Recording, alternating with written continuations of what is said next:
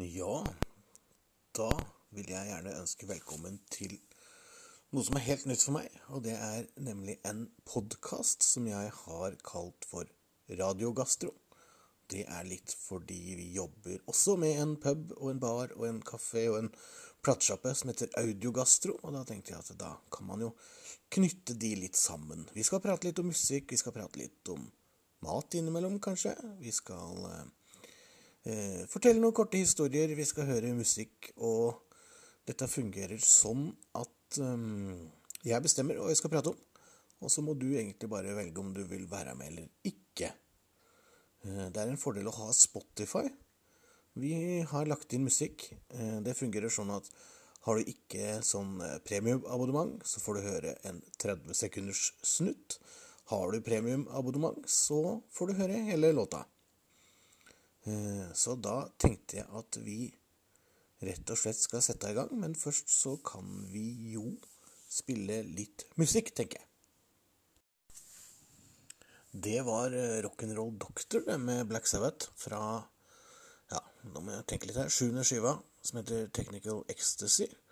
En av de to skivene som Ossi var med på på tampen, som eh, kanskje ikke alle likte like godt den gangen, men som har vokst seg litt opp, i hvert fall. Det kan sikkert ikke sammenlignes med de seks første, men eh, jeg liker nå begge to. Og så får du gjøre hva du vil. Skippe eller stå på.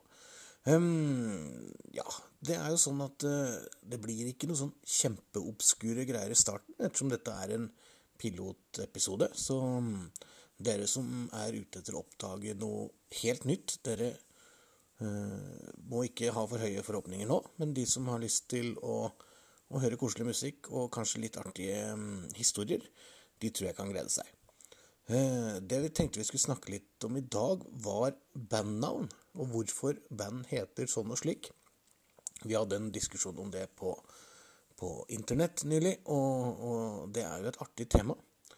Og noe av dette kan dere, noe av det kan dere ikke. Uh, vi kan starte med Black Sabbath, da, som uh, som jo heter Black Sabbath, som de fleste skjønner nå. Eh, jeg hadde vel aldri mm, tilgitt meg sjøl hvis jeg ikke hadde starta denne podkasten med Black Sabbath, så såpass ærlig må jeg være. Eh, de starta jo i 68, var det vel, som Polkatusk Bluesband. Bytta etter hvert til Earth, eh, men det var to band i England, minst, som het Earth den gangen. Og, og det ble sånn at da bytta Tony Iommi og co navn til Black Sabbath. Det nye navnet fant de på en kinoplakat rett over gata for øvingslokalet sitt, hvor, eh, hvor de viste Mario Bava-filmen som heter Black Sabbath, som alle Black Sabbath-fans eh, har, i en eller annen form, og fant ut at eh, da kaller vi oss det, og resten er historie. Åtte plater ble det som nevnt med originalbesetningen. Den siste het Never Say Die. Vi skal høre ei låt derfra som vi velger den som Bill Ward synger på, ettersom han har blitt litt stemoderlig behandla de siste åra av, eh, om ikke Black Sabbath, så i hvert fall managementet. Så da tar vi en runde med 'Swing in the Chain'. Det var Bill Ward og resten av Sabbath og 'Swing in the Chain'. Um, vi skal holde oss, eh, eller vi skal gå tilbake fra den skiva til 69. Og Earth, som Sabbath het den gangen.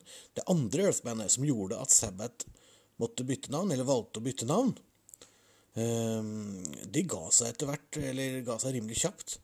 Men det er også en interessant historie rundt det bandet. Vi skal ikke snakke om alt, men vi skal snakke litt om Glenn Ross Campbell, som spilte stilgitar i, i Earth, da, ikke Sabbath Earth som den andre.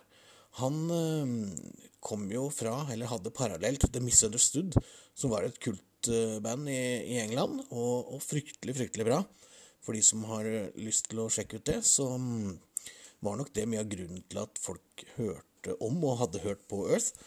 Um, og de ga seg like etter dette, både Earth og The Misunderstood.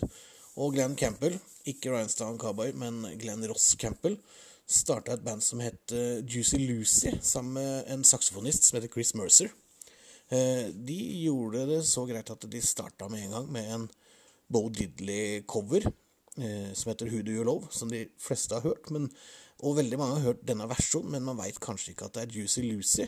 Så da kan dere i hvert fall få bekrefta det en gang for alle, og så kjører vi den. Vær så god. Ja, det var Juicy Lucy og Bo Diddley-låta Who Do You Love. Um, vi sa jo at vi skal snakke om navn og bakgrunner og sånn. Det kommer til å, å flyte ut, det veit jeg. Såpass kjenner jeg meg sjøl. Men vi kan i hvert fall nevne hvor bandnavnet Juicy Lucy kommer fra. Det var ei bok som kom i 66, en roman som heter The Virgin Soldiers av Leslie Thomas. Og der henta Glenn Campbell og Mercer eh, det navnet fra. Eh, og så har vi et litt artig sammentreff angående den, for i 69, da Black Sabbath ble Black Sabbath, uh, Misunderstood ble oppløst, Earth ble oppløst, og Juicy Lucy starter, så starta også jobben med å lage en film av Virgin Soldiers, altså romanen. Uh, og i en bitte liten rolle der, han kløpte seg for å møte opp uh, på, på prøver og greier, men fikk en rolle som er så liten at du må ha lupe og, og pauseknapp for å se den, var en kar som heter David Bowie.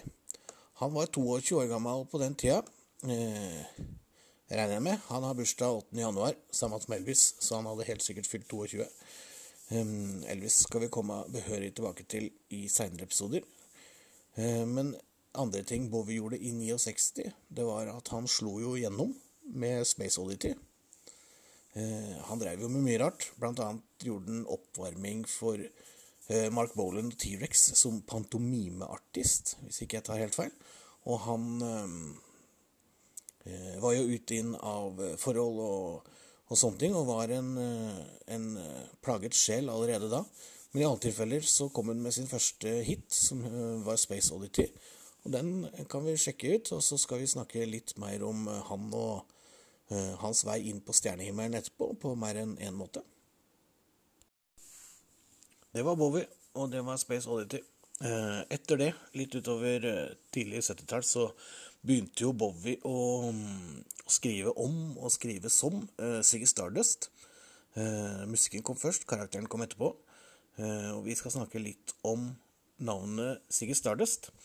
jeg tror, og jeg har lest i hvert fall, at Eh, Stardust uh, plukka han eh, fra en kar som egentlig het Norman Carl Odom, som kalte seg The Legendary Stardust Cowboy. Som var en ja, hva skal jeg si, en grunnlegger, pioner innen psychobilly.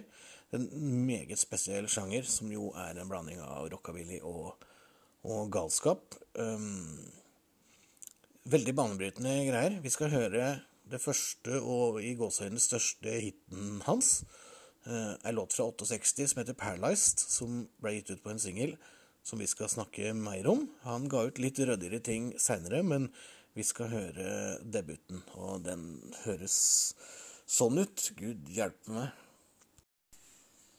Ja, hva skal en si? Det var eh, Legendary Stardust um, og Paralyzed. Så sært kan det bli. Um, på den singelen fra 68 så var det, uh, var det med en trommis som mange har hørt om, som heter T-Bone Burnett. Han uh, produserte også singelen, og det er vel kanskje som produsent han har gjort seg mest bemerka. Regnes som den som ga nytt liv til karrieren til Orbison og Greg Olman. Uh, og han produserte og Brother Wear Ardow og veldig mye annet. Har således fått mye æren for å blåse nytt liv i roots-interessen. Eh, han matcha Alison Krauss og Robert Plant, for de som har hørt den fantastiske matchen. Eh, hvorfor han heter T-Bone, det veit jeg ikke, men jeg hadde litt lyst til å komme inn på den, fordi han har hatt en finger med i så mye. Og når han heter Joseph Henry Burnett den tredje, så er det vel greit å ha et uh, litt kort uh, navn. I tillegg til å være produsent, så har han jo jobba med alfaband, uh, blant annet, gitt ut en del sologreier og sånn, og blant annet kom det i 82 en EP som heter Trapdoor som åpner med ei låt som heter Hold On Tight, som, som, jeg har lyst til å spille, for her hører vi kanskje litt av det vi finner igjen seinere i, i, det eh, Burnett gjorde sammen med, med Orbison, når Orbison fikk eh, det man kaller en ny vår. Men vi går til T-Bone Burnett og Hold On Tight. Det var T-Bone Burnett og låta Hold On Tight, eller Hold på Tightsen, som han heter på norsk. Nei, han gjør ikke det. Uh, denne EP-en fra 82, det er sjølsagt strålende håndverk hele veien. Um, har med seg ja, trommisen David Kemper, spilte med Jerry Garcia lenge, og var vel med Dylan fra 596 og utover. Uh, gitaristen her er David Miner, som var med i og spilte med, eller var med og starta The Great Society uh, midt på 60-tallet sammen med Grace Slick, som vi kjenner fra Jefferson Airplane. De skal vi i hvert fall innom seinere, men ikke i denne episoden. Uh, det blir nok mer coverlåtrelatert. Men det var med en kar som vi skal holde litt, litt fast ved på denne EP-en, og det er en gitarist som heter David Mansfield som er like mye ja, komponist, arrangør osv. som gitarist. Eh, han var også med T-Bone Burnett i Alfaband på 70-tallet. Og før det så var han til og med med på Rolling Thunder Review, som er en av verdens kanskje mest kjente turneer, som Dylan eh, hadde. Det betyr at eh, det var med to Dylan-karer på denne EP-en, men eh, de spilte med Dylan med 20-30 års mellomrom. Og det sier vel litt om hvor lenge Dylan har drevet. Eh, vi skal over til noe annet som Mansfield var med på. Eh, han var nemlig med og bidro litt på ei plate som kom i 1992, som heter Break Like The Wind, med et band som heter Spinal Tap. De kjenner dere gjennom filmen og til en viss grad gjennom musikken. Fantastisk morsomt. Jeg husker plata kom. Da jobba jeg i platebutikk og syntes det var storveis. Eh, Majesty og Rock og sånne ting. Eh, der er det også en låt som heter Rainy Day Sun, som er ikke så hardrock som Jan Spinal Tap, men det er ja, mer en slags homage, tenker jeg, til britisk pop og rock fra 60-tallet.